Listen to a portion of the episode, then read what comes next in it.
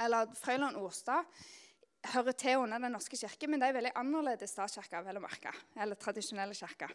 Um, og vi opplever at Gud gjør veldig mye rundt omkring. Typ i eh, statskirker eller sånn som det vi jobber i, og da spesielt inn mot ungdom. Og det er ikke bare der vi er, men vi er en del rundt og underviser og taler og har stort nettverk. Og Det som rører seg rundt forbi, det er ikke bare det som skjer hos våre ungdommer, men det skjer over hele fjøla, vil jeg si, blant ungdommer. Og det vi ser, er at Gud drar så enormt på hjertet til ungdom. Og tingen er Den neste generasjonen med ungdommer, de vil ha full pakke. Det betyr de vil ikke bare gå på søndagsskole, de vil ikke bare synge i kor, de vil ikke bare gå på søndagsgudstjenester. De vil òg ha tak i hva vil det si å tro på en overnaturlig Gud. Tegn under mirakler, ikke som en hype, ikke i seg sjøl, men fordi det innebærer at det går inn i den guden de sier de tror på, for de hører om det på søndagsskolen. De, de, ønsker alt som han guden er, å gjøre. Um, og det eh, syns jeg er bare helt konge. Vi, vi ser ungdommer eh, komme fram til forbønn hos oss. De er syke, de er dårlige, og vi ber for dem, vi legger hender på dem. Vi lærer dem å legge hender på hverandre og sier befal ut smerte og sykdom i Jesu navn, og helbredelser skjer. Nesten hvert ungdomsmøte i hele høst opplevde vi at helbredelser skjedde. Og Det er ikke fordi det er en hype i seg sjøl, men det er en av de måtene Gud kan vise at han elsker oss på. Og i det så kan jeg Det blir en fryktelig bisetning her. Men, men kan, eh, helbredelse av ting kan òg bli ambivalent for folk, for vi har så ulike erfaringer til det. og Det er ikke dette som skal bli et tema for i dag. Men jeg opplevde å se min egen far dø og reise hjem til Jesus. Eh, og jeg har mer tro på helbredelse etter han død enn før. For Jesus har gjort noe i hjertet mitt. Så jeg kan få lov å mase på min himmelske far om helbredelser, for jeg vet at han kan og vil. Selv om jeg ikke alltid forstår hvorfor det ikke skjer, så spør vi om det. Og vi lærer en frimodighet til at du kan komme fram for en Gud og be om det. Og så kanskje vi alltid styrer og bestemmer hvorfor ikke, men vi opplever veldig mye skje da, i den frimodige trua til ungdommene. For at vi, vi lærer dem. Åttendeklassinger legger hender på venninna si, og smerter forsvinner. Og det, det drar på hjertene deres. at de, de, ønsker ikke bare dette her overnaturlige, men de ønsker det som Jesus er. da. Eh, og vi ser ungdommene frimodig gå og eh, dele evangeliet til sine medelever på jobbplassen sin. Vi ser de vitner frimodig. Vi ser at de får samtaler og connections og merker hvordan Gud jobber.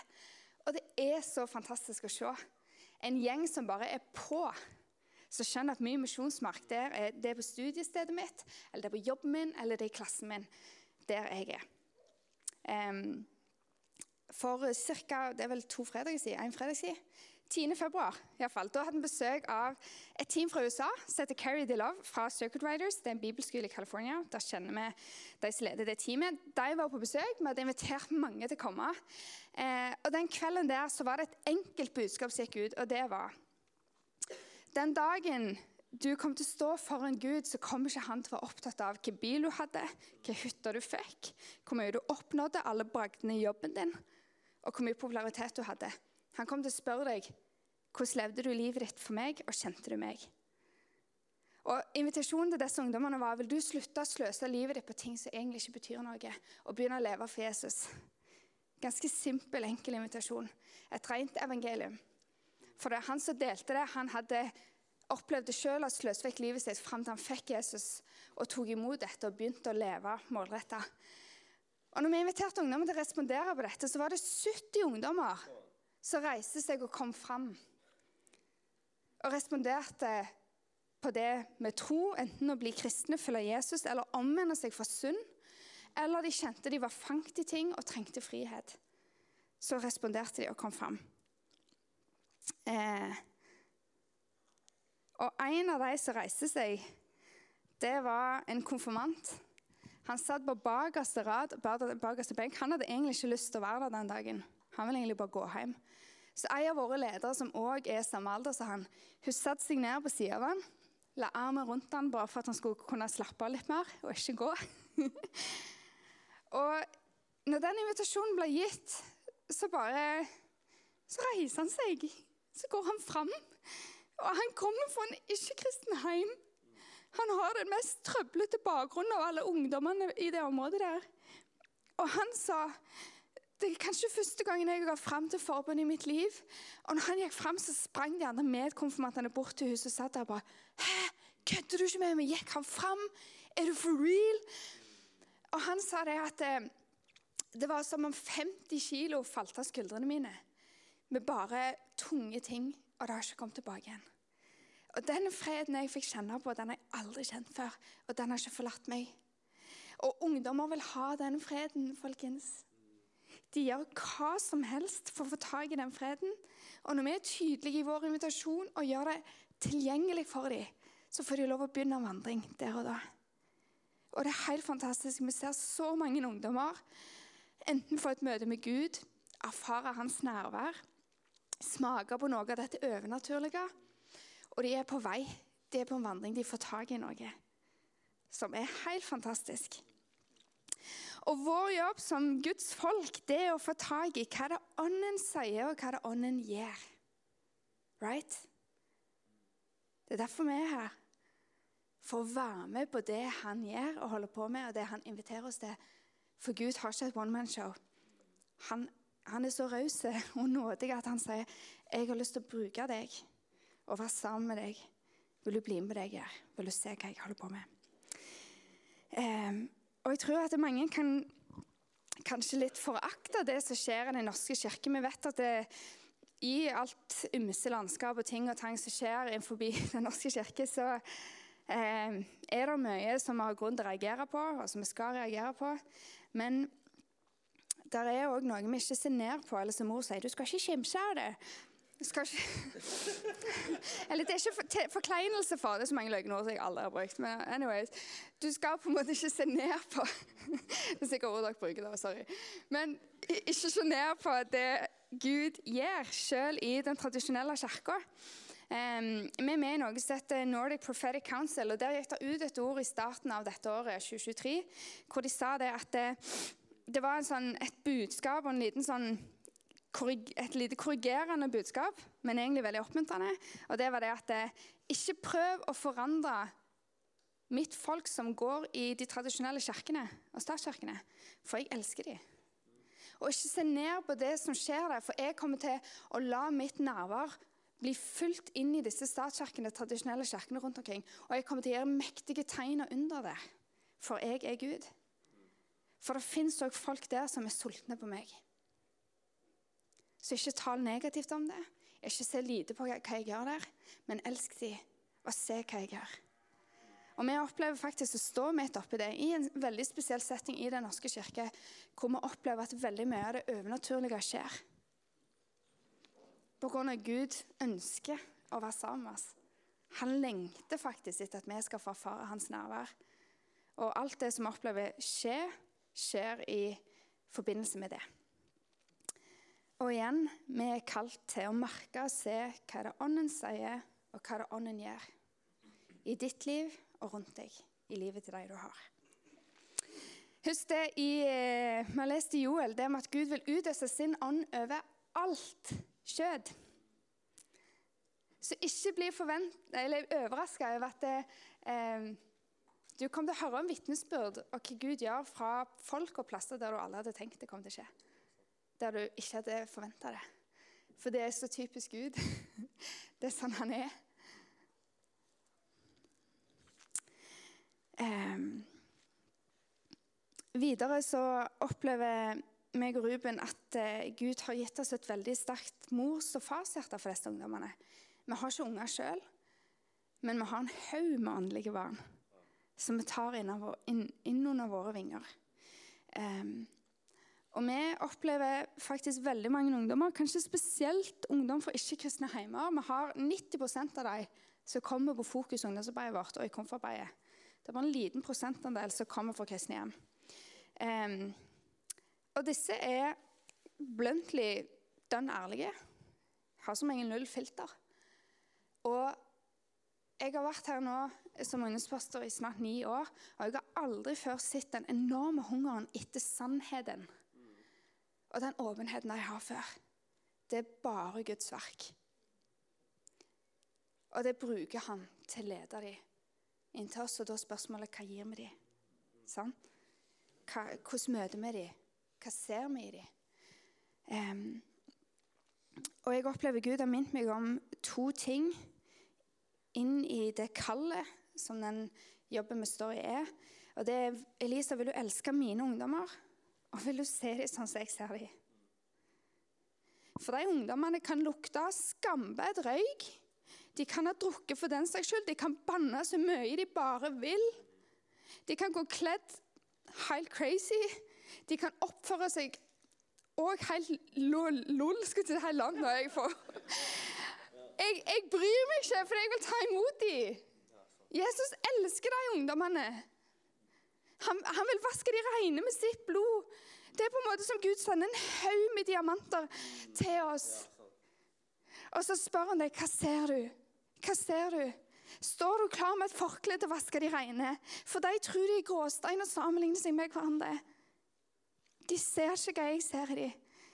Og vi har et privilegium å få lov å løfte opp deres verdi og tale liv og sannhet over dem og se hvordan det forløser i dem. Og de lengter etter mødre og fedre. De lengter etter en heim. Og flere sier, uten at det skal være klisjé, men det er en sånn Jeg føler meg hjemme når jeg kommer i kirka, sier de. Det jeg føler her, føler jeg ingen andre plasser. Og Jeg tror ikke det at det er noe spesielt med meg og Ruben, men jeg tror at eh, Gud lengter til folk som kan posisjonere seg og si Hei, her er jeg, Gud. Så vil han gi dem et morshjerte og farshjerte fra han, som vil lede dem nærmere til Jesus. For tingen er at Ei tolv år gammel jente kan få ta imot et kjempestort morshjerte fra Gud, og hun kan lede sin ikke-kristne venninne til Jesus. Gud er ikke avhengig av alder. Han er ikke avhengig, ikke begrensa av alder, fysisk alder. Han er bare sånn Vil noen ta imot deler av mitt hjerte? For disse ungdommene, da, spesielt. Ja, Det blir sikkert både snott og tårer i dag. Det håper jeg går fint. Ja.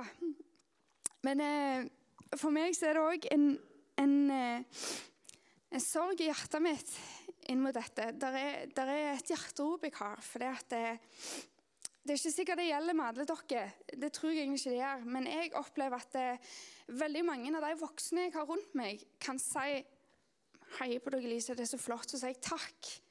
Men vet du hva? jeg opplever ikke hjertet mitt at du forstår hva Gud gjør rett under nesen på deg. Du ber om vekkelse, men jeg opplever ikke at du får tak i og ser hva Gud gjør i barn og ungdom akkurat nå, rett rundt deg. Ser du og merker du hvordan Gud drar på hjertene deres? Kan du føle smerten deres over ikke høre hjemme? Av å være forvirra? Ingen taler sannhet over dem. De blir servert så mange sannheter. Og så opplever jeg at eh, meg og Ruben står i en sånn der spagat og fyller et rom hvor en foreldregenerasjon skulle ha fulgt inn det rommet. Og så fordi vi ser hva Gud gjør i den neste generasjonen. Vi merker hva Gud gjør i dem. Og det, ja, det vil vi investere i.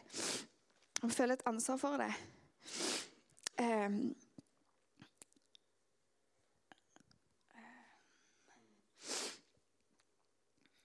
jeg tror faktisk vekkelsen har begynt smått. Og jeg tror han skal komme mer for fullt. Og det løye med det at med en gang vekkelse skjer, så blir det et negativt ord. Og før det så var det positivt, så ba vi om det. Det er helt pussig hvordan det skjer. Vekkelsen i USA, Asbury, som dere sikkert har hørt om. Plutselig blir det konflikt og splid rundt ja, hva er egentlig vekkelse. Bla, bla, bla, bla. Kutt det ut. Jeg tenker, Vi trenger ikke ta på oss retten til si om vekkelse. Folk legger ulike ting i det. det er helt greit. Men vi ser at Ånden sier og gjør noe. Det kan vi være enige om. Og det kan vi ha enhet inn mot som er styrken vår. Og det kan vi respondere på og ta del i. Ikke sant? Det kan vi gjøre, folkens. Uansett hvem vi er, uansett hva setting vi kommer fra. Ikke sant? Og jeg tror virkelig at vekkelse er noe Gud betror oss, og noe som skjer spesielt blant barn og ungdom da. akkurat nå, faktisk. Um, jeg skal fortelle en liten historie til dere. Jeg har ei fantastisk mor. Um, og det var en gang jeg og hun var ute på en kjøretur. Vi skulle kjøre hjem til henne. Og i bilen så Hun, hun ofte sånn hun spør ja, 'Hvordan går det, Lisa?' Så sier jeg 'Hvordan går hva da? Hva mener du?' Det går bra. Men, eh, så hun, hun, vil ofte at jeg skal bare fortelle og legge ut. Jeg vil at hun skal spisse og gå dypere. Men ikke alltid det skjer. Men anywho, eh, så begynner jeg liksom å fortelle litt sånn Nei, selv om vi opplever veldig mye flott skje i kirka der vi er, og mange gjennombrudd, så er det òg flere krevende kamper å stå i og, og tøffe tak på en måte hele veien. Um, og Så åpna jeg litt opp og fortalte om det til henne. At ja, jeg synes det er litt krevende, jeg føler meg ikke så mye forstått. og bla, bla, bla. Og så hennes respons da når vi kommer hjem sånn 'Vil du ha med deg litt tomater, Elisha?' Og jeg bare 'Really?' Jeg øste ut hjertet Ja, du kan få med litt plommer òg. Sånn, så merker jeg at det nå liksom begynte det å bygge seg opp en sånn hissig frustrasjon. Og så, og så, kom jeg i det øyeblikket ok, Det hjalp meg egentlig å komme litt mer i kontakt med hva jeg egentlig prøver å si til mor her. Hvorfor snakker vi om dette? Hva forventer jeg egentlig? Og så gikk den frustrasjonen fra å være dårlig frustrasjon til å nesten bli en sånn hellig frustrasjon. Og så legger jeg fra meg alt, så ber jeg henne legge fra seg alt det der matet hun skulle sende med meg. Og så sier jeg til henne Mor, jeg vet ikke om du er klar over hvordan ikke bare meg og Ruben, men mange med oss, hvordan vi lever livet vårt. Jeg vet ikke om du er klar over hvordan vi har utvidet teltpluggene våre sånn. Men det står et enormt spenn. Vi er villige til å gå hvor som helst og gjøre hva som helst når Gud kaller oss til det. Jeg vet ikke om du skjønner det, mor, for vi ser Guds hånd over den neste generasjonen. Vi merker det så tydelig, og vi må disiplere dem. Vi må gi dem Jesus. Jeg vet ikke om du skjønner det, mor. Vi står i spagat. Vi er villige til å gi vekk hus om Gud ber oss om det. Vi er villige til å selge bilen om Han ber oss om det. Hva som helst. Og hva holder du på med? Hva holder dere på med, sa jeg i kjærlighet til henne. Og så sa jeg jeg håper du ikke tar det som en kritikk, mor, eller fordømmelse. For jeg du er fantastisk. Jeg er så stolt av deg og glad i deg. Du har tidenes tjener sin. Du har levd hele livet ditt med dugnad. Og Jesus elsker deg. Men jeg kan faktisk ikke huske sist gang jeg hørte deg boble over av begeistring for Jesus. Jeg kan ikke huske sist du fortalte meg at å, Elise, jeg har fått vitne til venninna mi. Jeg kan ikke huske sist du fortalte meg, mor, at vet du hva, Elise, Gud har begynt å tale til meg om gården. Hva jeg skal gjøre med den? Gud har begynt å gi meg visjoner for hva folk skal få tak i når de kommer inn i den nye hytta mi. Åh, Elisa, jeg fikk en fantastisk åpenbaring i ordet i går. Jeg husker ikke sist jeg har sett deg eller hørt deg fortelle sånne ting, mor. Og vi trenger deg.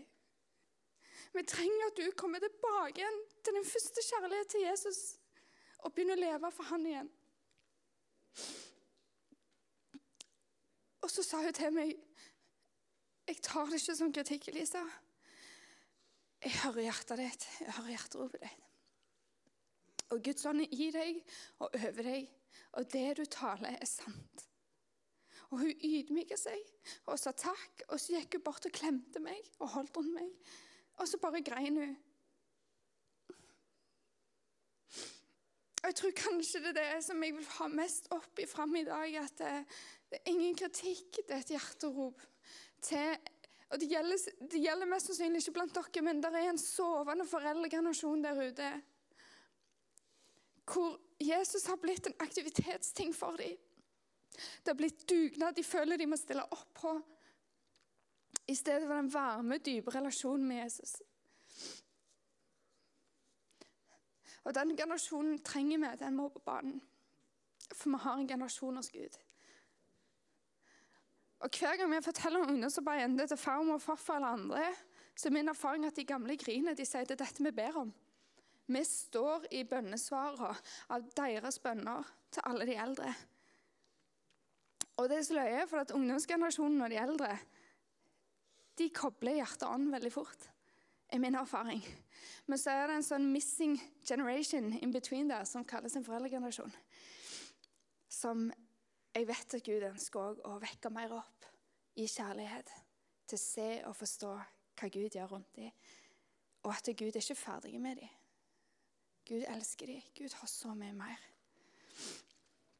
Og Jeg håper ikke dette sårer dere. Jeg håper ikke dette at jeg verken stapper hånden inn i et vepsebol eller tråkker i salaten eller gjør noe vondt med å si dette. her.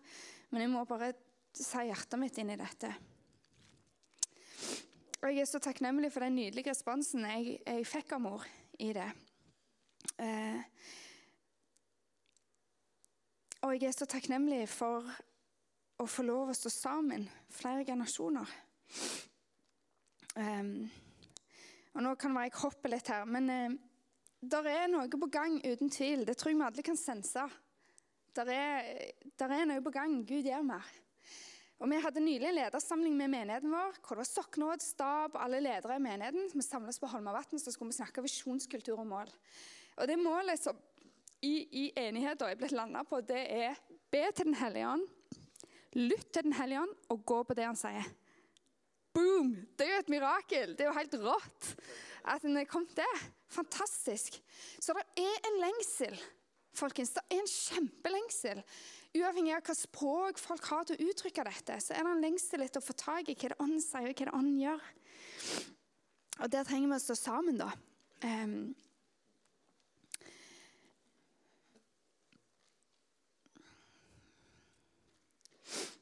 ja.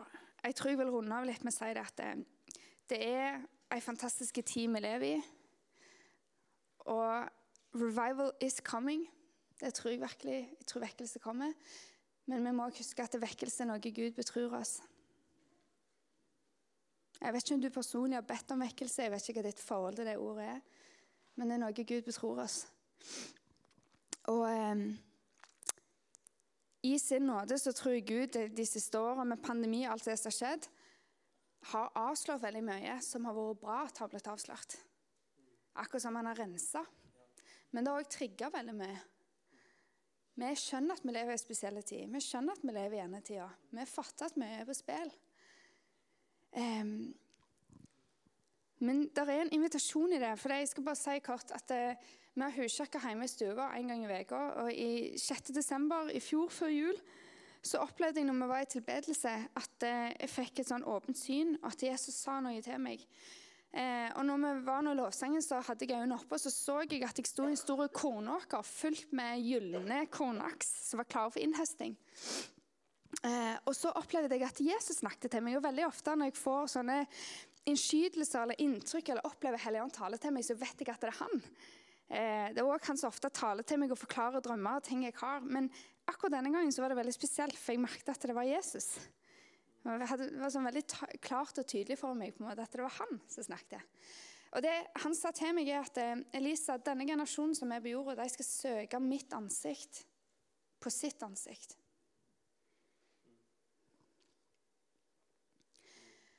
Og i det ordet der så er det en overgivelse. Det er en overgivelse. Det betyr, eh, sånn som vi leser i Åpenbaringen 4, eh, 10 Han som lever i all evighet, faller de 24 eldste ned foran Han som sitter på tronen, og tilber Ham som lever i all evighet, og kaster kronene sine ned foran tronen og sier, Du er verdig, Herre, til å få prisen og æren og makten. For du har skapt alle ting, og ved din vilje består alle ting, og ved din vilje ble de skapt. Jeg opplever Det, det er en, en hellig invitasjon fra Jesus til å kaste ned våre kroner, til å legge ned alt. Hva vil det si? Det vil si legge ned alt du vil. Alle dine bragder, prestasjoner, alt du får til, alt du kan, alt du vet. Bibelen forteller også i Kolosserne 2,3 at all visdommens og kunnskapens skatter er skjult i Jesus. Du har ingenting i deg sjøl, det er bare han. Og jeg tror det er en invitasjon folkens, til å legge dette ned. Alt vi vet er viktig, så vi tenker å, nå må jeg bare til, til, å legge det ned og bare søke Han. For du, når du søker Han på ditt ansikt, da holder du ingenting oppe. Alle dine agendaer, alt Jesus skal være og gi og gjøre for deg, kan vi få lov å legge ned. For jeg tror det er en invitasjon fra Jesus til å oppdage mer hvem han virkelig er. Og da forstår vi òg mer hvem vi er. Og hva om, folkens? Vi hadde en pandemi i 2020. 2021 kom vi så vidt opp på beina igjen. 2022 skulle vi springe av gårde igjen. Og så bare bam! er kjempemange slitne. Jeg følte på meg det når jeg kjørte ut her, det kjenner jeg mange plasser, at jeg tror vi har gått fryktelig mye i egen kraft. Det er ikke feil, det kan være godvilje de tingene vi ønsker å gjøre for Gud. For vi har så lyst til å respondere. Men hva vi skal få lov å legge ned og underordne oss fullt og helt hans lederskap og si til din timing, Gud, det du vil når du vil. Jeg legger alt ned. Jeg vil bare ha deg. Vekkelsen i Asbury starta med en gjeng 20-åringer som ble igjen etter møtet. I ren hunger etter Jesus bare tilba og ropte ut. Hvis du tar tempen i en vanlig menighet i Norge og du spør dem hvor mye lengter du til Jesus, hvor mye lengter du til at han skal komme tilbake igjen? For det kjennetegner denne ungdomsvekkelsen ungdomsgenerasjonen. Det er en så stor hunger etter bare Jesus. Ingenting annet. Teologiske debatter heiver du går. Det, det er heft. Det er en lei av. Alt politisk og bla, bla, bla. En vil bare ha Jesus, det regnskårende fokus på han, og det legger ned sine kroner foran hans føtter. For det skjer noe i det. Det skjer en forløsning i det. Og helt til slutt så har jeg lyst til å si dette handler ikke bare om ungdomsgenerasjonen. Det er ikke Guds favoritter. Vi har en generasjonenes Gud som kaller alle generasjoner sammen til én generasjon, tror jeg. Er den familien han har lyst til å bake oss inn i. Og jeg tror familie er faktisk et ord som vi vil forstå og catche mer og mer av i tida framover. Hvordan Gud vil vise oss hva han har tenkt med familie. Hva han legger i det ordet med å være en åndelig familie. Og jeg har brukt dette bildet før, Hva må du har hørt det, men, men eh, ei pil består av tre element. Pilspiss, skaft og styrefjør. Pilspissen kan på sett og vis symbolisere den unge generasjonen. De utfordrer det etablerte. De stiller dra-til-spørsmål. De kan av og til være dra til. Og de liker å utfordre og spisse og gå sin egen vei. Og det skal de gjøre. Vi trenger noen som utfordrer det etablerte. Hvorfor har vi alltid gjort det sånn? Det er bra. Men den pilspissen kommer ingen vei uten skaft. Da går han, da går han bare rett ned. Han har null nytte. Men med et skaft som symboliserer foreldregenerasjonen, så henger han sammen. Men et skaft og en pilspiss de har null retning. Hvor går de? Du har null kontroll hvis du hiver den pila, så vet du ikke hvor den kan treffe. Styrefjørene, det er besteforeldregenerasjonen. Deres bønner, deres visdom, deres vandring med Jesus er med og, og navigerer inn i det. Poenget mitt er vi trenger alle generasjoner om bord med hva det ånden sier, og hva det ånden gjør. Og la oss respondere på det med å legge ned våre kroner foran Jesus. Og hvis du blir fornærmet av den hungeren som ungdommer har, så er det en invitasjon til deg fordi Gud ønsker å gi deg òg en hunger. Det kan se forskjellig ut. Det er helt greit. Vi er forskjellige. Ikke stress. Men vil du ha en hunger? Lengter du til å ha en hunger? Skjønner du på den tida jeg har snakket at dette trenger jeg mer av, så er det bare en invitasjon for Gud til deg. Han vil gi deg hunger. Så inn i tilbedelsen eller sånn du leder videre, la oss respondere på det og legge ned. For jeg tror Jesus vil gi oss hvile i denne tida. En hvile hvor vi virkelig dypt søker Han og får åpenbaringer og innsikt og visdom som vi aldri før har fått, fordi vi legger vekk alt vårt eget søke. Yes. Takk.